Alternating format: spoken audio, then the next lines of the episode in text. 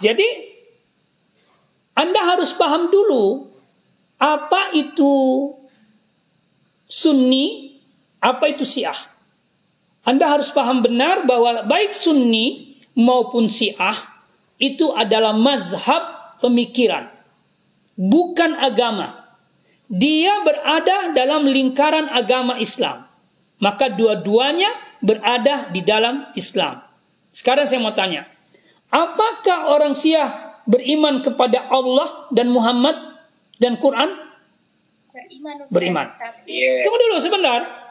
Beriman ya, nanti kau jawab. Beriman ya? Beriman. Apakah Sunni juga beriman kepada Allah, Rasul, dan Quran? Dan hari kiamat? Beriman juga. Ah, maka Sunni Syiah itu sama-sama beriman. Kalau dia beriman kepada Allah dan Rasul, kalau dia beriman kepada Al-Quran, dan tidak ada perbedaan Quran kita dengan mereka, maka tidak ada, tidak bisa kita mengatakan dia dia kafir, dia tersesat. Tidak bisa kita mengatakan begitu. Karena rukun rukunnya agama, yakni rukun iman, dia beriman. Dia dia dia dia dia eh, rukun iman dia miliki. Sekarang kita lihat rukun Islamnya. Apakah orang Syiah sembahyang? Bersahadat? Puasa? Sakat? Haji? Jawabannya iya. Lalu apa alasan kita mengatakan mereka keluar dari Islam dan tersesat? Hanya karena ajaran-ajaran, pikiran-pikiran tentang nikah muta dan sebagainya? Sekarang kita masuk ke nikah mutah. Sekarang saya mau tanya, siapa tadi yang bertanya? Dwi ya? Nah, baik, Dwi, saya mau tanya, apakah nikah mut'ah pernah disyariatkan oleh Nabi? apa Ustaz, sebelum masanya Nabi memang pernah disyariatkan. Tapi Sebelum apa? Sebelum masanya Nabi? Maka dia eh, Nabi pada saat itu sudah mem, apa istilahnya dia mengemukakan hadis tentang pelarangan kembali Ah, baik. Ini ini masalah. Nah, nikah mut'ah itu tidak pernah eh nikah itu disyariatkan oleh Nabi. Nah, Nabi tidak pernah menghapusnya. Yang menghapus nikah itu adalah Umar bin Khattab. Umar bin Khattab. Nabi sampai wafat tidak pernah menghapuskan nikah mut'ah. Tapi yang menghapus nikah mut'ah itu adalah Umar bin Khattab. Sekarang kita mau tinggal mau lihat apakah lebih lebih kita ikuti syariatnya Nabi atau ketetapannya Umar? Hmm. Fikihnya Nabi atau fikihnya Umar? Tentu kita mengatakan mereka mengikuti Nabi yang tidak pernah menghapus nikah mut'ah. Kita di Sunni mengikuti ketetapan ijtihad Umar yang menghapus nikah mut'ah. Nah, Itu. Sekarang kalau Nabi pernah mensyariatkan nikah mut'ah, tentu ada dasarnya. Tentu ada dasarnya di dalam Al-Quran. Tidak mungkin Nabi tidak punya dasar di dalam Al-Quran. Ini. Persoalannya sekarang adalah kita yang sunni ini sering kali mengecek orang-orang Syiah sesat karena nikah mut'ah, tapi kita tidak pernah mengerti apa itu nikah mut'ah. Bagaimana praktek nikah mut'ah sekarang di Syiah? Kita tidak pelajari mereka. Makanya saya ingin mengatakan, kalau ingin bicara tentang Syiah, atau masab yang lain, itu pelajari dulu, baru kemudian mengerti, baru kita bantah. Itu caranya. Saya ini sunni, bukan syiah. Tapi saya tidak alergi belajar tentang syiah. Sama saya mengerti. Dalam konteks masab, saya ingin lihat dalam konteks masab. Menurut Anda, ada berapa masab yang Anda kenal? Empat. Sebut. Masab apa yang pertama? Maliki, Hambali, Nah, Syafi'i, Hanafi dulu. Hanafi. Hanafi dulu. Baru Maliki. Maliki ini muridnya Imam Hanafi. Kemudian Syafi'i. Syafi'i ini muridnya Imam Malik. Kemudian Ahmad bin Hambal muridnya Imam Syafi'i. Anda tahu siapa gurunya Imam Abu Hanifah? Anda tahu siapa gurunya Imam Abu Hanifah? Gurunya Imam Abu Hanifah itu Ja'far As-Sadiq. Imamnya, imam keenamnya Syiah.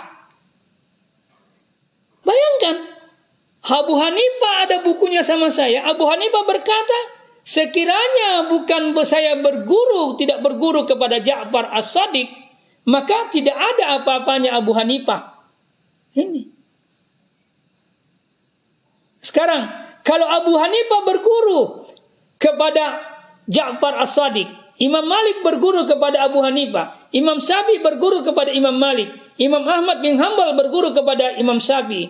Kalau guru pertamanya sesat, apa tidak sesat yang lain? Itulah gambarannya. Nah, saya ingin jelaskan bahwa di dalam mazhab Syiah ada juga yang keras, yang ekstrim. Inilah yang ekstrim yang sering kali kita eh, yang tersesat seperti eh, Syiah Gulat itu ekstrim betul. Syiah Rafida itu ekstrim betul. Ini orang orang mazhab-mazhab Syiah yang juga dinyatakan tersesat oleh Syiah-Syiah yang lurus seperti Syiah Saidiyah Sia Imamiyah. Nah, Sia yang ada sekarang di Iran itu Sia Imamiyah. Sia Saidiyah adalah Sia yang paling dekat dengan Sunni. Sia yang paling dekat dengan Sunni. Anda pernah mendengar kitab Subul Salam? Pernah. Pernah. Anda tahu siapa pengarang kitab Subul Salam? Kitab Subul Salam itu adalah kitab sarahnya Bulughul Maram. Siapa yang menulis kitab Subul Salam itu? Itu yes. ber, bermas siapa siapa? Kalau tidak salah Ustaz Hajar al Asqalani. Bukan bukan. Itu bermasab Syiah.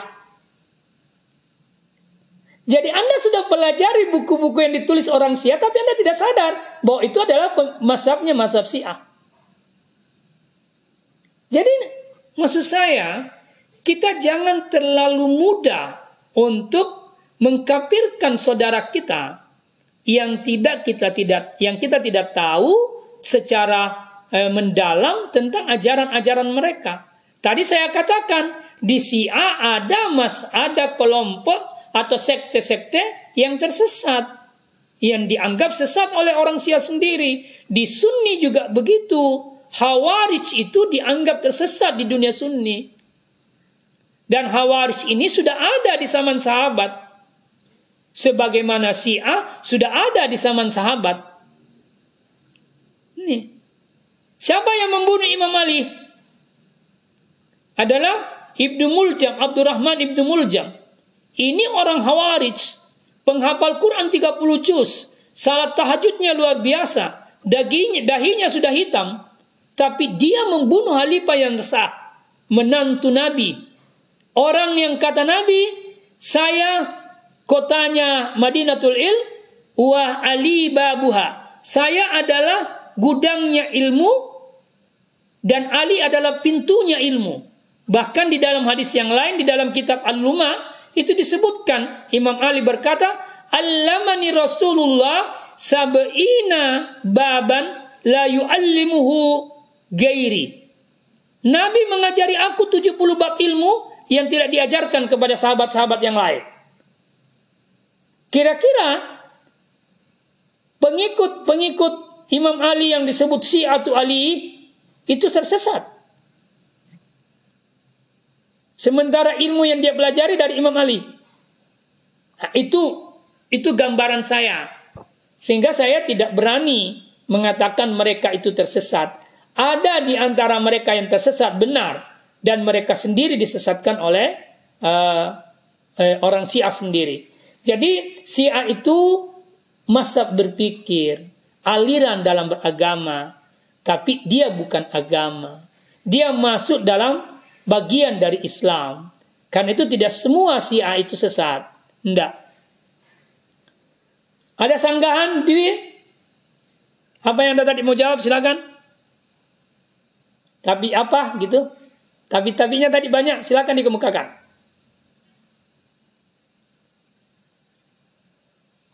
Dwi?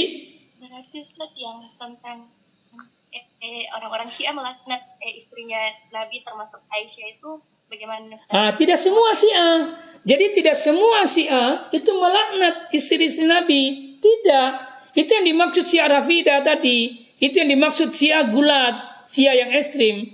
Itu yang melaknat, itu yang dianggap sesat oleh orang Syiah sendiri. Jadi orang Syiah sendiri melaknat me, me, menganggap tersesat orang-orang seperti itu.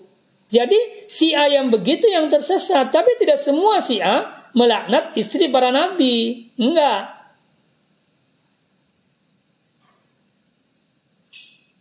Nah, yang ketiga saya ingin katakan, kalau Anda mengatakan orang Syiah semua tersesat, hati-hati. Karena Imam Bukhari itu banyak meriwayatkan hadis dari orang-orang Syiah. Kalau Imam Bukhari meriwayatkan hadis dari orang-orang Syiah, kalau begitu Imam Bukhari mengambil hadis dari orang tersesat. Kalau dia mengambil hadis dari orang tersesat, maka tidak bisa tidak tidak sahih itu hadis-hadisnya Imam Bukhari. Nah, di situ harus hati-hati. Saya punya bukunya, bukti-bukti perawi-perawi Masab Syiah di mana Imam Bukhari mengambil hadis dari situ. Saya punya bukunya. Apalagi bantahannya Dwi, coba supaya saya bisa jawab kalau saya tahu.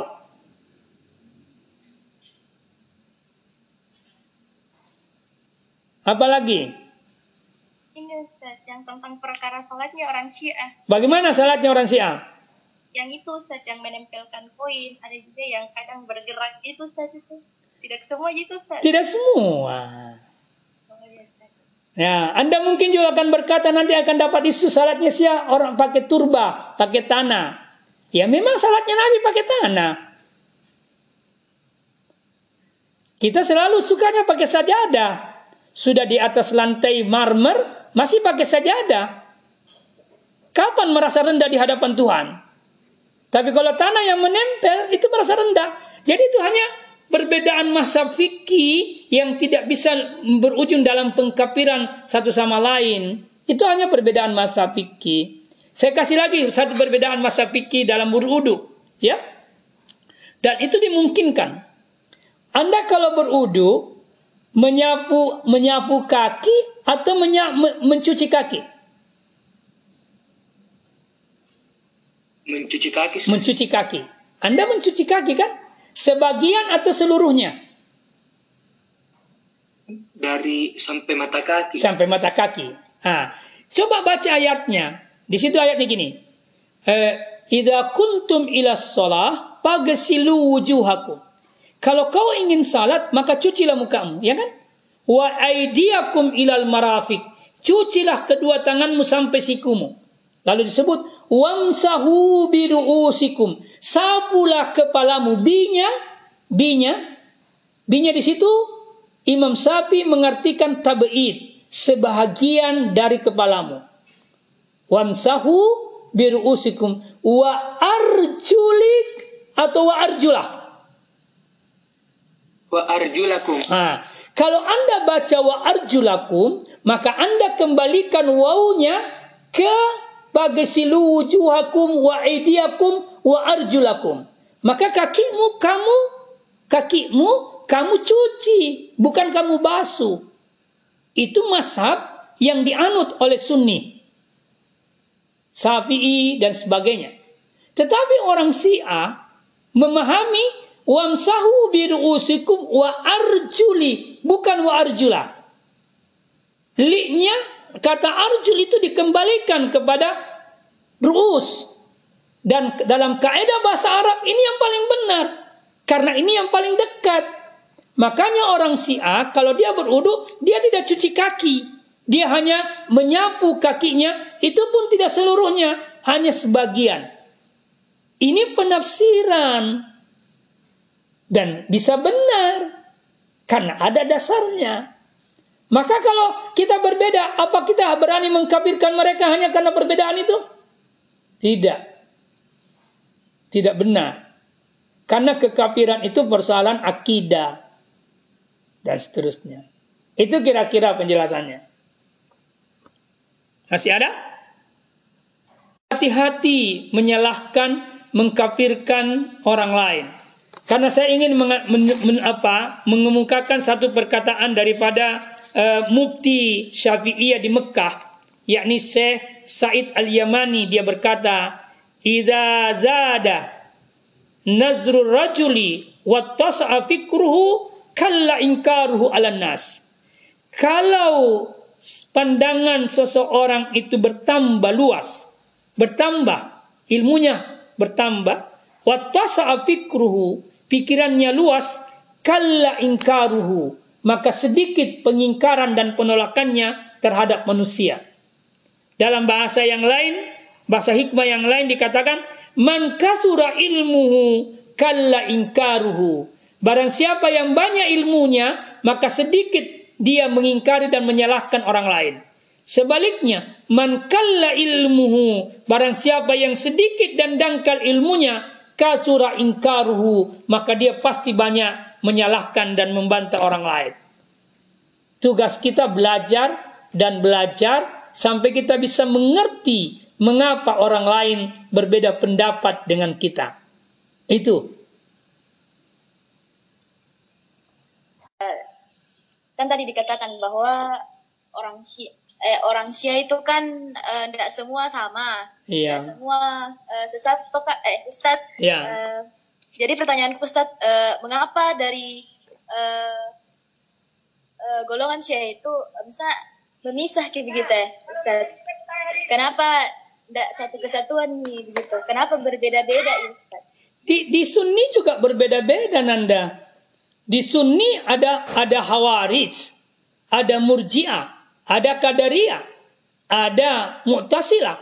Berbeda. Ada bahkan di As'ari, As'ari saja ada As'ari eh, Maturidiyah nah, dan seterusnya. Jadi itu sekte. Itu aliran yang banyak. Maka apa yang ter, aliran yang banyak di Sunni itu juga banyak di Syiah. Seperti itu. Jadi bukan berarti karena banyaknya aliran pemikiran sehingga menjadi ukuran dia tersesat. Di Sunni juga begitu. Itu kira-kira.